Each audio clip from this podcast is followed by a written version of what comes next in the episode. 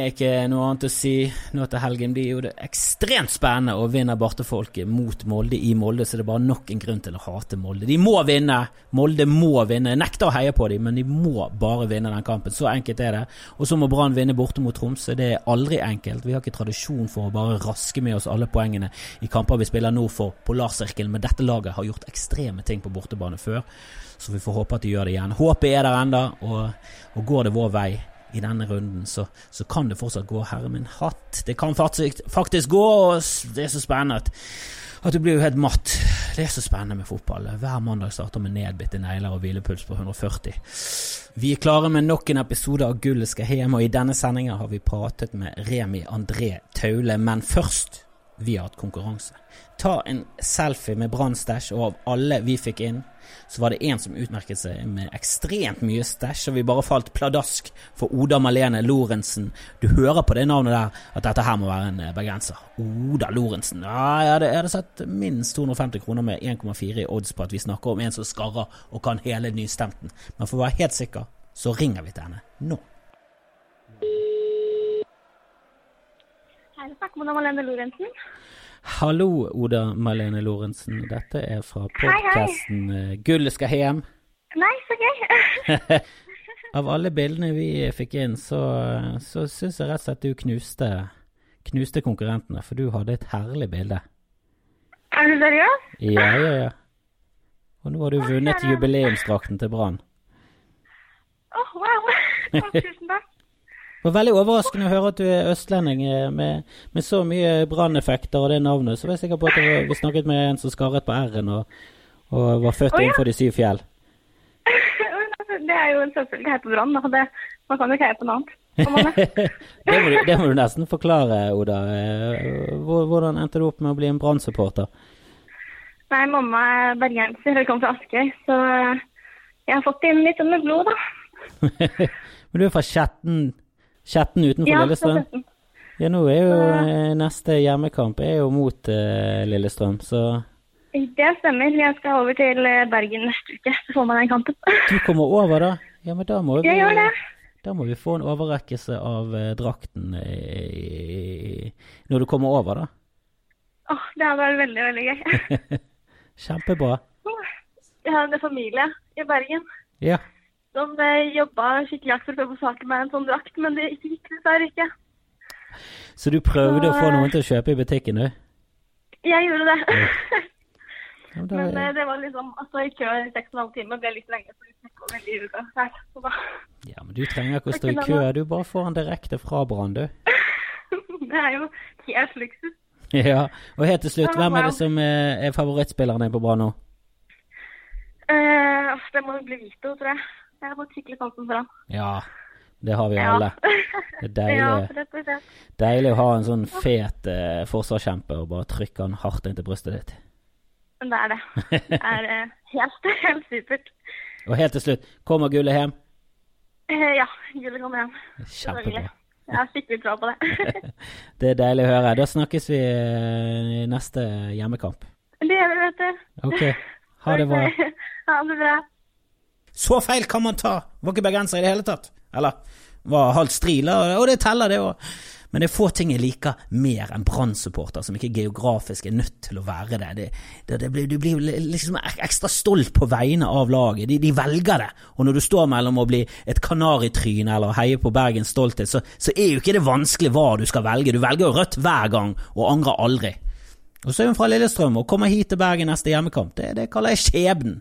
Og det er jo bare nok en puslespillbit som til slutt gir oss et helt seriegull. Er det ikke det? Vi smetter forbi Rosenborg, knuser de hjemme, og så kjemper vi oss inn med hjertet utenpå drakten. Det hadde vært perfekt! Lillestrøm-kampen er 7. oktober. Der kommer i hvert fall Remi André Taule til å være sammen med Oda Malene Lorentzen. Og om du ikke kjenner til navnet, så kjenner du igjen stemmen hvis du har vært på stadion. Det er han som er spiker nå. Og det har han vært i, i snart eh, ti år. Han, har begynt å, å, bli eh, liksom en del av det å gå på stadion, og det, det, kan bli mye mer. Vi snakker om hvordan man blir spiker, hva vi tror om fortsettelsen, og selvfølgelig snakker vi om spikerlegenden Terje Bø, som i hele vår barndom sto på hender og gjøglet det til og laget god stemning hver eneste hjemmekamp.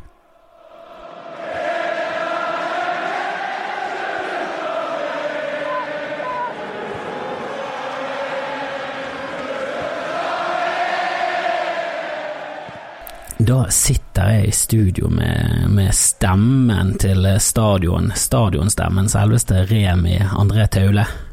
Bruker du alle navnet? Ja, det går veldig Min mor blir veldig glad for uh, når hun hører alle navnene, så det går fint. det første jeg lurer på, og det er sikkert mange andre som lurer på, på dette her, er hvordan blir man speaker? Altså Jeg ser for meg at du, du, kommenterer litt hjemme, noen oppdager at du har talent, du blir rekruttert til å være speaker på varecup for gutter 14, der blir du oppdaget, plutselig sitter du og kommenterer seniorfotball, andredivisjon, du håper på Obos-ligaen, men innerst inne er det alltid Brann du vil kommentere. Det er, det er den store drømmen, du øver med kost foran speil. Jeg så en cupkamp mellom Fana og Lillestrøm, blir du tilfeldigvis oppdaget av en spikerspeider fra øverste divisjon. Selveste Brannspeideren. Han er velkjent i spikermiljøet, selvfølgelig. Der snakker man på kroen på de månedlige spikermøtene, der det er snakk om livet som spikere, der spikerne mimrer om nedturer og oppturer. Den gangen men så spiller nummer fire Kåre Gundtveit istedenfor Cato, de andre ler, og plutselig får du telefonen og venter på siden du var spiker når kameratene spilte Fifa 96 på hemsen til Gunnaren. Selveste spikerspeideren fra Brann, og han har hørt om det, du er sett på som et stort talent, og de trenger en ny spiker, for gamle spikeren har stått på hender for siste gang. Var det noenlunde sånn? Du, snakk om å treffe spikeren ja. på hodet. Det var ja, akkurat sånn. Spikeren, oi, oi, oi. Nei, det var kanskje ikke det var, det, det, Historien var fantastisk. Jeg skulle ønske jeg kunne si det var sånn, men eh, det var dessverre ikke sånn. Um, nei, hvordan ble jeg spiker? Det er et godt spørsmål. Det er jo en stund siden nå, da. Um, uh, som jeg har sagt tidligere, så uh, Den gang Hanøyen ble spiker, og det er jo nå uh, Altså, det er vel 20 år siden eh, rundt han ble spiker på stadion. Da var jeg så vidt med i eh, Jeg skal ikke si jeg var med i diskusjonen, men jeg var iallfall med i diskusjonen i mitt eget hode. Eh, for da, gikk de ut og utlyste den. Det var jo etter Terje Bø, sant? Du skal jo erstatte Terje Bø. Hvordan Legend. erstatter du legenden? Fremdeles verdens beste spiker, Terje Bø. Så da, så, sånn som jeg husker det, så gikk de ut og, og og annonserte etter spiker. Og da husker jeg at jeg, jeg tror jeg sendte en søknad også. Da var det en drøm allerede da. Eh, men så tok jo Hanøy den jobben og har gjort den utmerket. Så eh, han var jo i ni år. Eh, og så var det Anne Tvedt inne i ett år. Eh, og så var det egentlig litt sånn helt tilfeldig. Eh, jeg traff en av Branns medarbeidere. Eh, og hadde fått tilbake litt av denne her drømmen om å være spiker, og, og sa til de egentlig at hvis dere ønsker og vurdere meg som spiker, så, så, er jeg klar for det. Og så gikk det vel noen måneder, og så fikk jeg den telefonen. da. Så det var ikke, det var ikke mer dramatisk og spennende enn det. Men Hadde du noe erfaring? Hadde du noe hadde du vært spiker på Nei, lavere altså, divisjoner? Er det sånn det fungerer? Jeg, jeg, jeg satt jo i eh, styret i Brann supporterteam den gangen det eksisterte. Og da gjorde jo jeg en god del uh, ulike konferansierjobber uh, gjennom rollen min der. Arrangementssjef i den uh, Ja, arrangementssjef. Og, og, var jo konferansier på um, cupfinaleshowet på, på Rockefeller i 1999. Eh, hadde jo òg uh, cupfinaleshowet i Oslo Spektrum i 2004 eh, før jeg da ble spika. Så folk visste jo hvem jeg var, og visste at jeg hadde jobbet eh, med, med og rundt Brann med en mikrofon i hånden. Så sånn sett så, så, var jo de godt klar over hvem jeg var, og hva jeg kunne og ikke kunne. å si.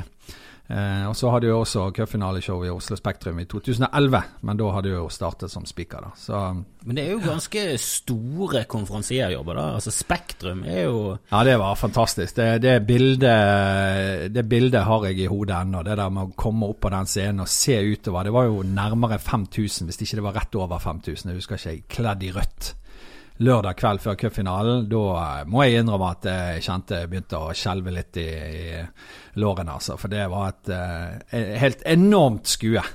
Ja, det, det, kan jeg tenke meg. Det er jo er jo få ting som er mer sånn der og da eh, gøyere og mer spennende for en Brann-supporter enn cupfinalen. For det er så veldig det, ja, den kampen. Det, det, skjer ikke alltid, og når du først kommer der, så må du ta vare på muligheten. Sant. Så la, Lars Arne, hvis du hører på nå, vi vil tilbake på, i, til cupfinalen. Nå er det for lenge siden sist. Men du, du som har vært eh, på flere cupfinaler, eh, har, du, eh, har, du noen gang gått eh, på Karl Johan dagen før kampen edru? Ja, altså i og med at jeg hadde disse jobbene, så eh, det er jo klart at det blir jo en annen cupfinalehelg for min del. Eh, så det har jeg absolutt, ja. Jeg definitivt. husker den i 2004. Da gikk eh, Da skulle jeg gå og se Raske menn på smuget. Eh, og så hadde jeg ikke drukket noe, så jeg gikk opp av Karl Johan. Uh, og da følte jeg følte litt på det der uh, hvorfor østlendinger er ikke så glad i cupfinale. Ja, ja. det var, var, veldig mye rødt og, og veldig mye skaring og, ja, og veldig det, mye bråk. Det er jo fantastisk. Det var jo faktisk litt sånn feeling nede i Haugesund nå uh, for et par helger siden på den bortekampen. Så var det faktisk, når du kom ned til Haugesund der, så var det litt sånn cupfinale-feeling. Det var bare bergensere i rødt overalt. Og, og, det er jo sånn det er i Oslo der på Ja, det var veldig deilig. Selve cupfinaledagen, når vi gikk til uh, Ullevål, da uh, hadde vi uh, greid å, å, sovne på et nachspiel. det var vel rundt Frogner et sted der, Majorstuen. Så, men vi gikk bare hele veien til Ullevål. Det var ikke så langt å gå, så det tok vel en halvtime, time. Og så etter hvert som vi begynte å nærme oss Ullevål, så ble det bare mer og mer rødt. Og det, ja. Da spilte vi mot Lyn til og med, og likevel så var det ingen som så noe blått den dagen.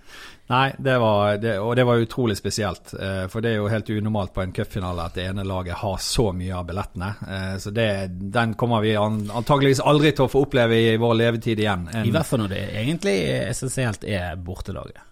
Ja, altså, Lyn spilte jo på hjemmebane. Ja, ja. De spilte jo seriekamper på Ullevål, og det var Jeg husker når kampen ble blåst av, og jeg bare gikk ut ifra at de fleste Lyn-supportere hadde allerede gått, så så så ikke en tom plass på tribunen. Det var, nei, det, var det, var, det, var, ikke 20 000 tomme seter da, eller nei, nei. hva de synger. Da var det jo, eh, det var jo kanskje 2500 tomme seter. Resten var jo ja. ekstatiske bergensere som sto igjen. De 20 000 vanlige tomme setene var fylt opp med ja, de bergensere. Opp med bergensere.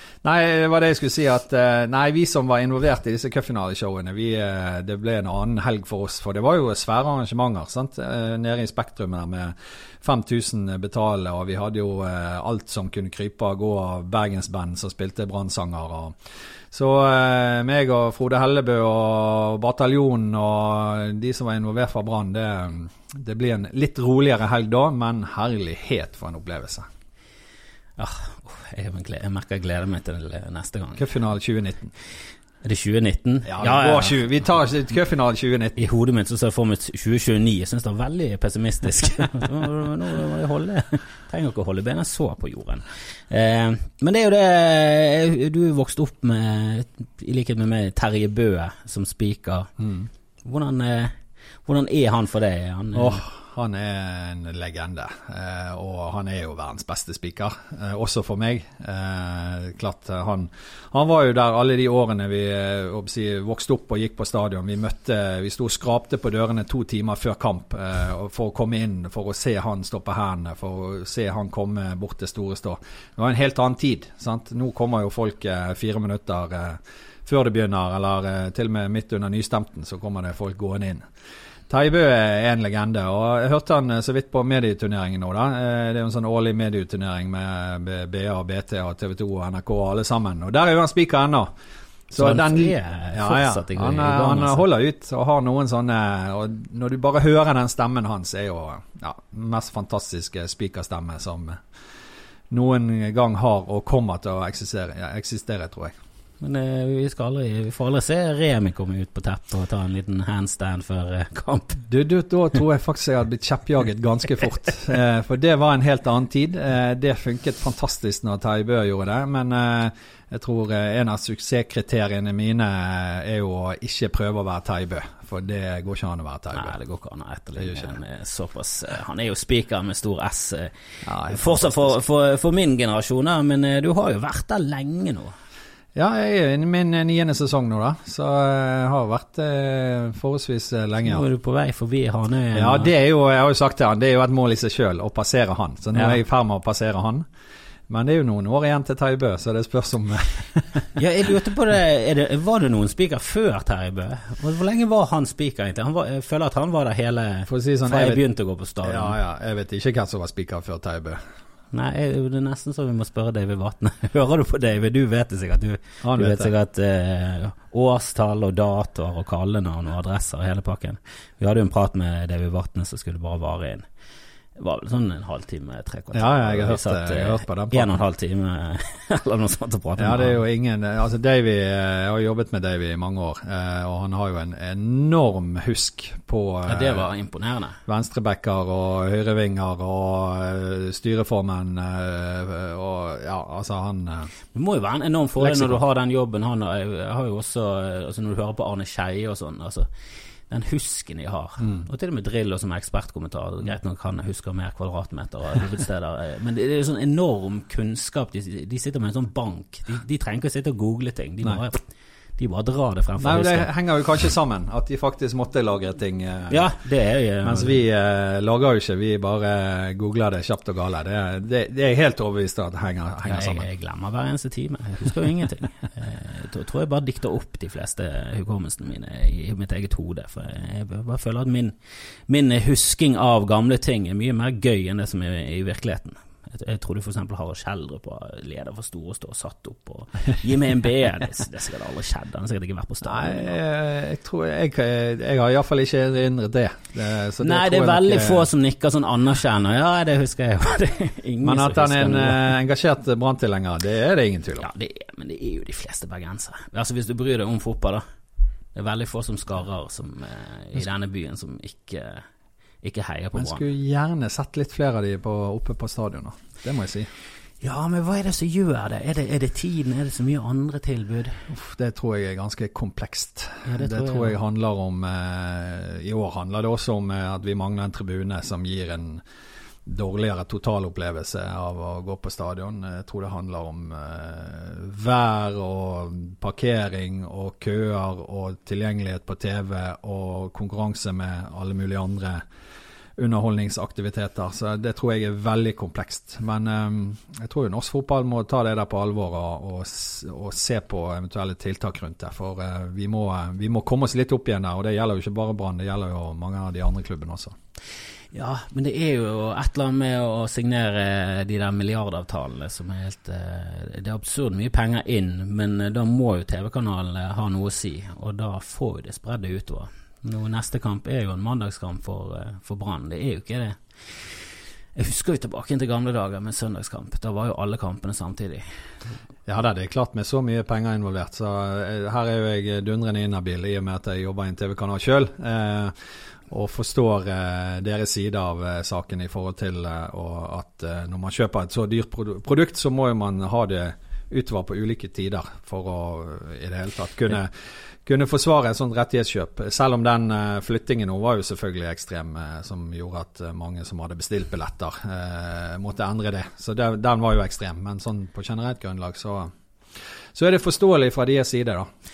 Jo da, jeg, jeg forstår i hvert fall TV-kanalet, og det er vel kanskje litt vanskelig å Det er vel med i forhandlingene av Jeg vet ikke hva den siste avtalen gikk for. Men det var noen, i hvert fall 10-15 år siden de bikket en milliard, så det er sikkert høyere enn det igjen. Og Ja. I de forhandlingene så går det vel eh, på at da må vi vise mer, for vi må ha mer igjen. Vi må ha litt reklamekroner. De Og det går jo utover eh, Ja, det går jo utover den der eh, trangen til å gå på stadion. For før i tiden var det radio eller Og det var ikke radio der de kommenterte hele kampen, det var radio der du hørte innimellom hva som hadde skjedd. Ja da, altså klart Mål! Ja, skje- Og så hørte du en bergenser, og så var det enten skuffelse eller, eller opptur.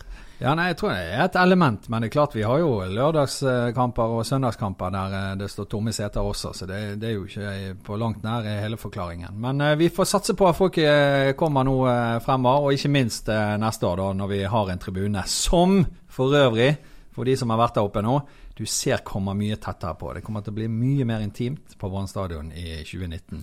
Det er deilig. Det gleder jeg meg til. For det føler du virkelig med den tribunen nå. Du ser hvor tett den kommer på. Det blir en helt ny opplevelse.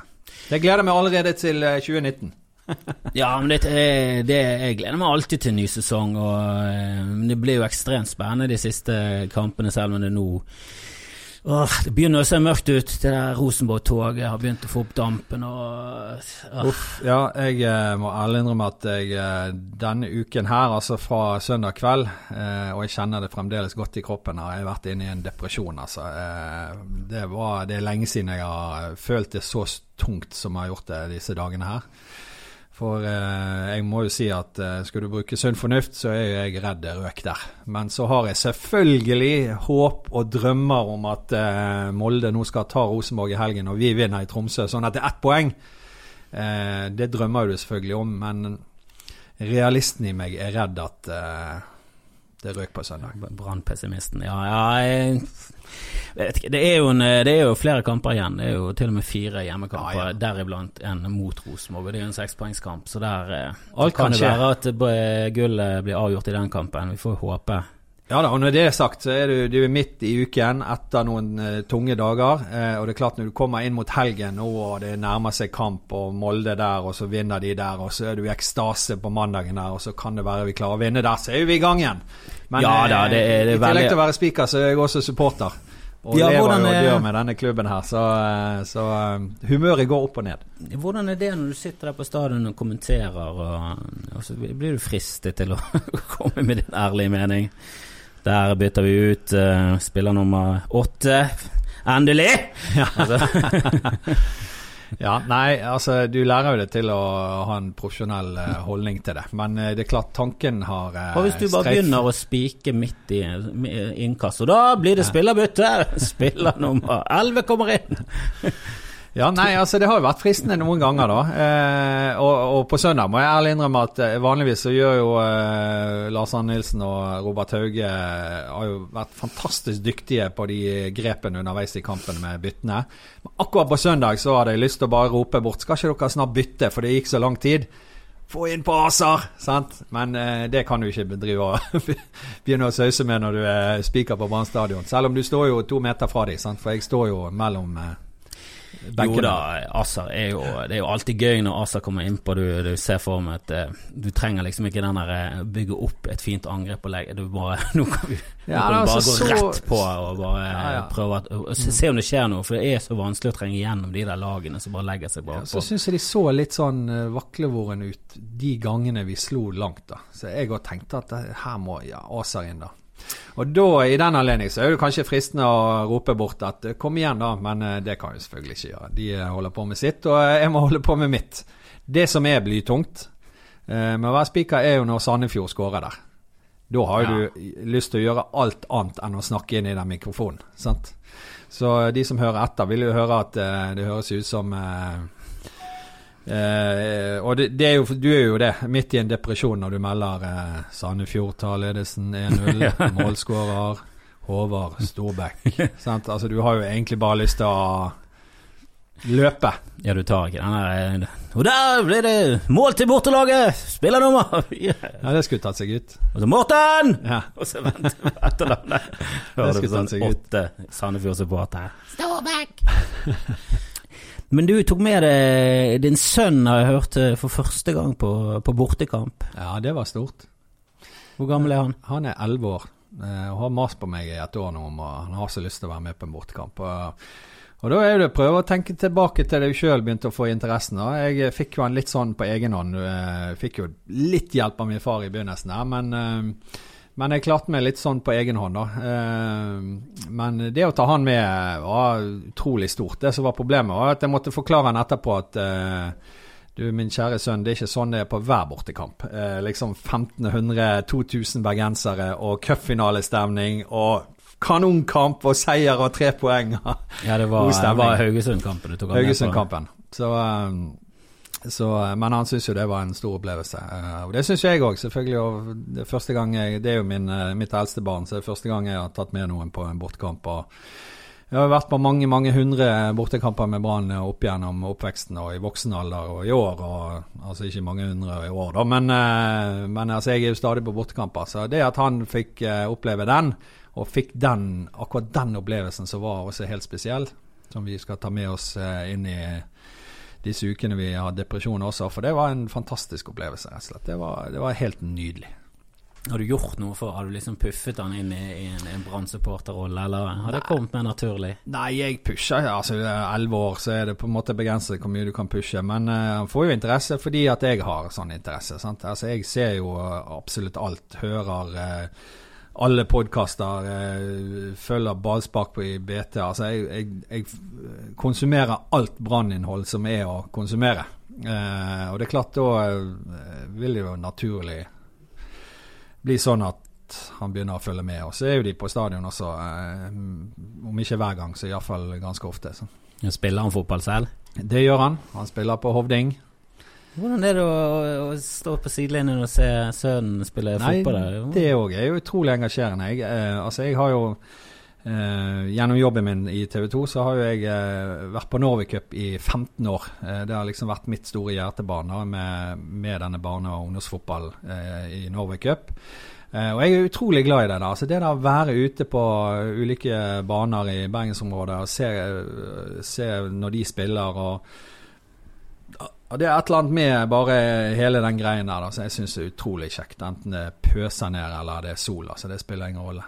Så du er, du er der hver, hver, gang på sidelinjen? Jeg er til stede hver eneste gang på sidelinjen. Skal på kamp i ettermiddag også. Eh, så jeg er veldig glad i lokalfotball. Og da må jeg få benytte muligheten til å hylle Hordalands eh, fotball med Trond Gausemel i, i, spissen der. Som gjør en fantastisk jobb med å rundt og dekker lokalfotball. Og den er viktig også for, eh, for meg som brann Ser du noen nye talenter som kommer til å Nei. Det, altså, du, du, jo, du, ser jo selvfølgelig gode spillere, men du tenker jo ikke sånn på det. Det, det, du, på en måte, det er jo opplevelsen av å se fotballgleden og, og engasjementet blant foreldre osv. som er Men kanskje jeg tenker en gang kanskje introduserer du han på stadion om noen år. Ja. Så får vi se hvor lenge jeg holder på, da. Men ja. det hadde vært noe å introdusere sin egen sønn, eller, ja, det, eller en kamerat av sønnen. Ja, noe sånt. Men er du, er du, på treninger? For det har jeg hørt at noen foreldre de er med på treningen også. Nei, ikke nå lenger. Ikke når de er blitt såpass eh, Det var jo mer når de var sånn eh, syv-åtte år gamle. Ja, da er...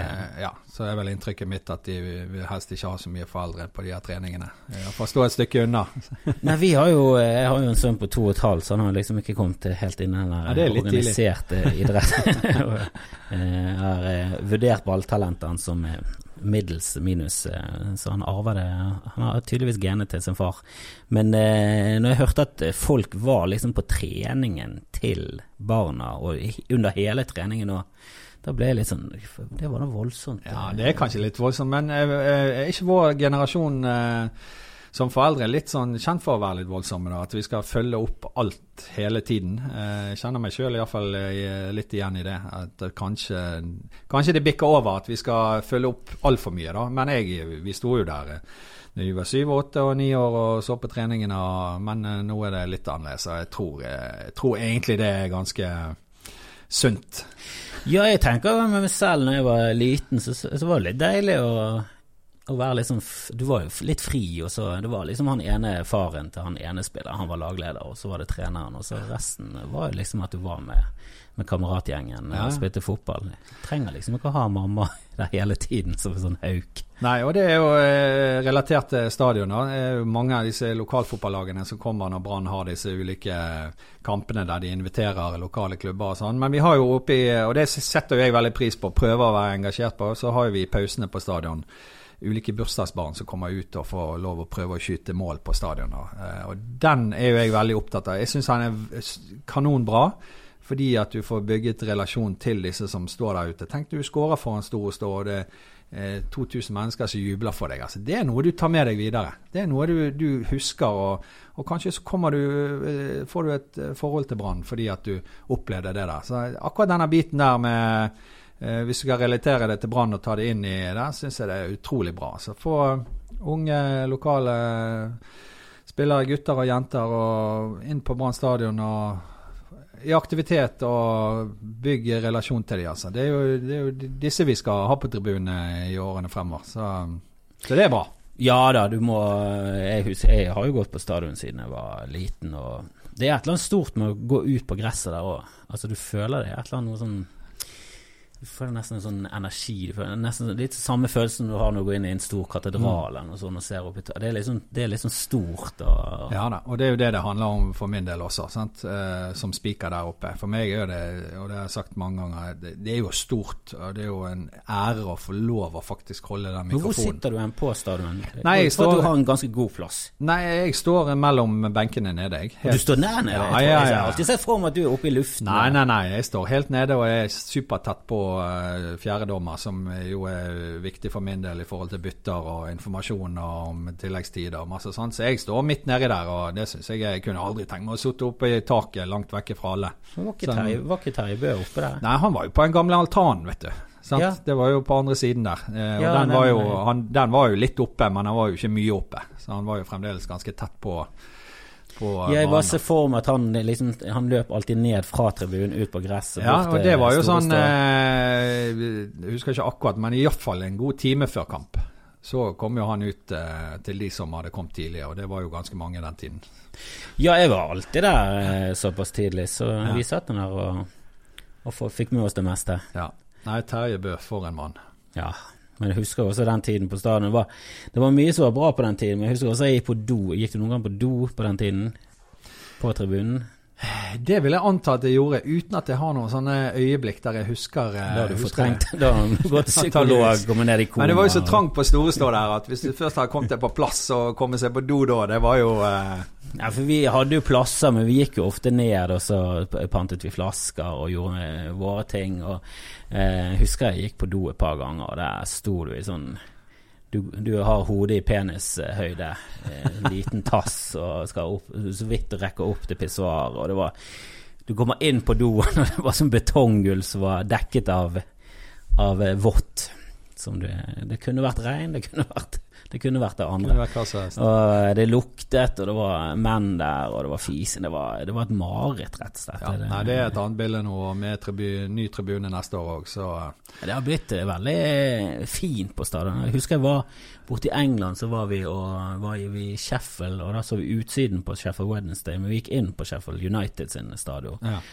Og der var liksom banen helt ned til gresset. Det var veldig lite plass mellom eh, tribunen og, og, eh, og, og gressmatten, og det var så intimt og fin stadion. Og den var liksom Den var ikke så mye større enn stadion. Jeg vet ikke hvor mange den tok eller tar, men den var liksom på størrelse med stadion sånn realistisk sett. Så det, da tenkte jeg bare sånn off, vi må fjerne de der gjerdene og murene. For det var veldig sånn betongmurer og litt asfalt og gjerder og piggtråd. Det var Husker det når Teitur eh, Tordasson var trener, så var det sånn skulle ganske mye til for, å- for å storme banen. Ja, ja, det skulle jeg. Nei, det blir spennende. Selvfølgelig et stykke frem i tid, men eh, jeg tar jo som en selvfølge at Brann får eh, hjemmekamp i eh, første serierunde neste år. Og med tribune, ny tribune skal åpnes. Det kommer til å bli utrolig spennende hvordan et fullsatt Brann stadion ser ut da. Ja, Brann er jo Det er vel Brann og Rosenborg som fortsatt blir litt sånn Ja, blir hørt på når det kommer til sånne ting. Når de får 16. mai hjemme og 16. mai er tradisjonen, eh, og det handler vel om at de vet at da fyller de, eh, fyller de opp. Eh, Jeg tror ikke Brann og Rosenborg nødvendigvis Ja ja, det vet jeg ikke om de får ønske ønsket sine mer oppfylt enn andre, det skal ikke jeg uttale meg om, men De burde i hvert fall det. Sånn, sånn publikumsmessig. Sånn, det er noe økonomi å selge billetter. Det er jo ikke bare Ja. TV-avtalen. Så herregud, vi må jo fylle opp. Og det er jo stemningen nå. Det er synd hvis eh, de der tilskuertallene skal bare forsvinne eh, lenger og lenger ned, altså. Ja, nei, jeg tror nok i år eh, så tror jeg nok at den mangletribunen har en god del å si. Du må huske på det er ikke mer enn to år Hvor lenge siden vi var i Obos nå? Der vi hadde 4000-5000 tilskuere. Mer enn vi har i toppen av norsk eliteserie nå, sant? Iallfall i enkeltkamper. Så jeg tror nok opplevelsen er litt sånn som du sier, eh, nå står jo ikke folk på gresset, men opplevelsen av å liksom komme inn i en litt sånn katedral, sant? når du bare ser bort på nabohusene og de er sitter og griller på er- terrassen. sant? Det, er- det er et eller annet med det. Det er litt med de her lukkede tribunene som gjør at det blir litt mer intenst. Ja, så det blir, eh, det blir eh, utrolig bra i 2019. Og 16. mai er jo faktisk bare tatt den også grunn 16. mai-kamp på stadion er også grunnen til at min eh, spillerkarriere tok slutt. Eh, for da var jeg førsteårs junior. Eh, Jeg spilte da eh, på NBK, og vi skulle møte jeg tror det var Loddefjord. Så var kampen satt opp 16. mai klokken seks eller fem. Eller bare, Iallfall sånn at da kunne jeg bare glemme stadion. Og Da sa jeg til treneren at sorry, jeg dropper ikke 16. mai-kamp på stadion. Det for å spille en kamp. Det er helt uaktuelt. Nei, det gjør du ikke. Jo, jo. Så jeg droppet det. Eh, og så eh, ble jeg satt på benken og fikk ikke spille i to neste kampene, og så sluttet jeg. Så eh, Så Sportsklubben. Brann er altså grunnen til at jeg begynte å se fotball og ikke spille fotball. Men var det et stort tap for fotball? Eh, nei. Du har det. Har Det litt mer i kjeften, sånn som meg. Jeg husker ikke helt når jeg sluttet å spille fotball, men det Ja, jeg syns det er et eller annet med å Jeg har veldig interesse av å se fotball, men jeg har ikke det talentet som skal til. Nei, det har ikke jeg heller. Men eh, det var nå på en måte Det stoppet nå der. Ja, Og det var greit. Jeg ofret eh, karrieren min for en 16. mai-kamp på stadion. Det var eh, absolutt et bra bytte. Nå er du spiker på stadion. Har du noen gang drømt om, om å kommentere kamper? Nei, det har jeg ikke. Uh, nei, altså spikerjobben er jo egentlig uh, strengt tatt å, å, mase minst mulig. Uh, å være god på det du må informere om i, i forhold til arrangementet.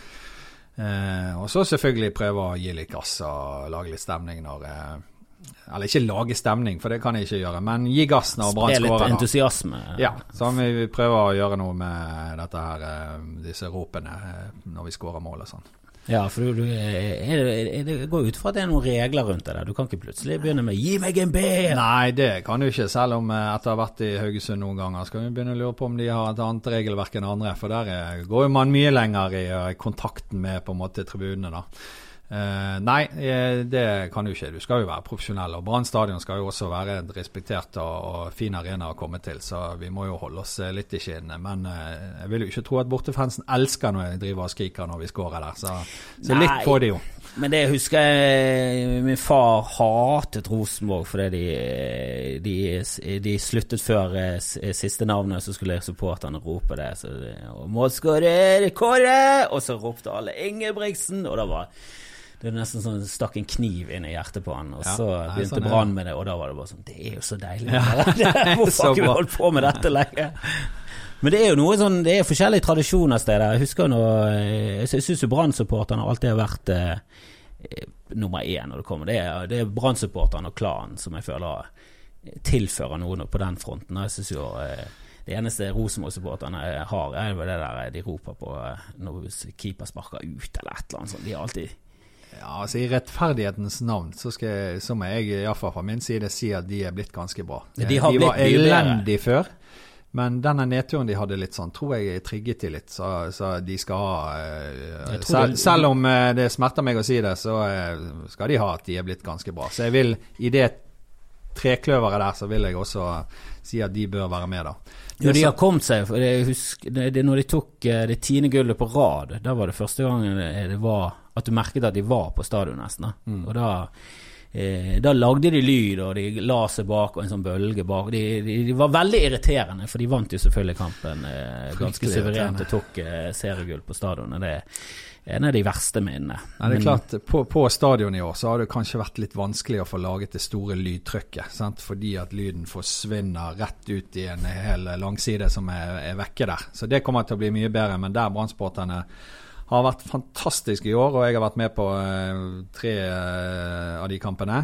Er jo på bortebane, der det har vært en enorm støtte. Uh, og der er jo Brann suverent best i Norge. Ja, det er jo det ingen tvil om. Uh, Iallfall i år. I år har det vært helt outstanding rett slett på bortebane. Nesten som vi skulle fått et poeng eller to på grunn av det. Ekstra, ja. ja. Helt enig. Det syns jeg vi kunne Egentlig fire hadde jo passet veldig bra. ja, Fire og, og litt plussmål. For det, jo, det, det, er jo det det handler om. Det er, I bunn og grunn er jo fotball underholdning. Det er vår tids eh, gladiatorkamp. Vi trenger ikke å lenger å løpe rundt en sverd og kappe av hoder. Vi, vi, kan se folk spille fotball, det er kjempegøy, og de gir alt for laget. Og, og når de supporterne våre er såpass gode, så kunne vi fått litt betaling ja, igjen fra NFF. Det syns jeg òg, rett og slett. Istedenfor at de flytter kamper så det ja. ødelegger for livene til eh, supporter som gir alt for klubben. Det, det, det, nå, nå, må dere rett og slett skjerpe dere. Jeg vet ikke om Per Ravn Omdal er oppe i, administrasjonen enda, men Per Ravn, hvis du hører på dette, dette er noe du kan ta tak i. Tror kanskje han har lagt opp, men Jeg tror kanskje det. Jeg vet ikke. Han er kanskje 100 år når han var gammel da jeg var liten, så det Men veldig eh, kjekt å prate med. En siste ting. altså Du jobber jo i TV 2. Eh, jeg går ut ifra at det er litt kniving i kantiner, i, i sporten. Alle er engasjerte.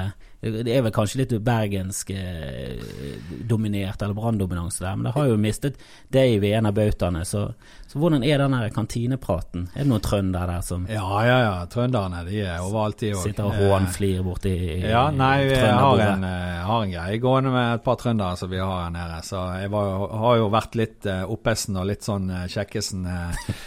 For noen uker tilbake og mens vi har ledet serien her nå, så jeg fikk egentlig litt igjen på mandag, da. Eh, og det gjorde det enda verre. Så, så, det var litt sånn eh, Det var en tung dag. Nei, det er jo engasjement. Det er jo Selvfølgelig og, og, hovedvekt på antall bergensere også i, her i Bergen i redaksjonen, men det er jo trøndere og det er østlendinger og det er siddiser og det er sogndølinger og så det, du har alt. Og selv om vi ikke har norsk fotball lenger, så er det ganske bra engasjement sånn internt og privat mellom folk, da. Ja da, men det er bare til å legge 2,2 milliarder på bordet neste gang, så går det rett i lommen på TV 2. ja, det er noen år til eh, de rettighetene er ledige, da. Men vi har ganske mange andre rettigheter som vi styrer ja. med nå. Så, og der kan vi håpe at Brann kommer med neste år, da. I Europaligaen. Det skal være ganske mye til om at vi ikke gjør det. Ja, men eh, vi er vel eh, såpass eh, liten fotballnasjon fortsatt Norge at eh, vi må vel gjennom et par kvalifiseringer for det. Det må vi nok. Men du vet hva som slår meg på slutten av praten her nå?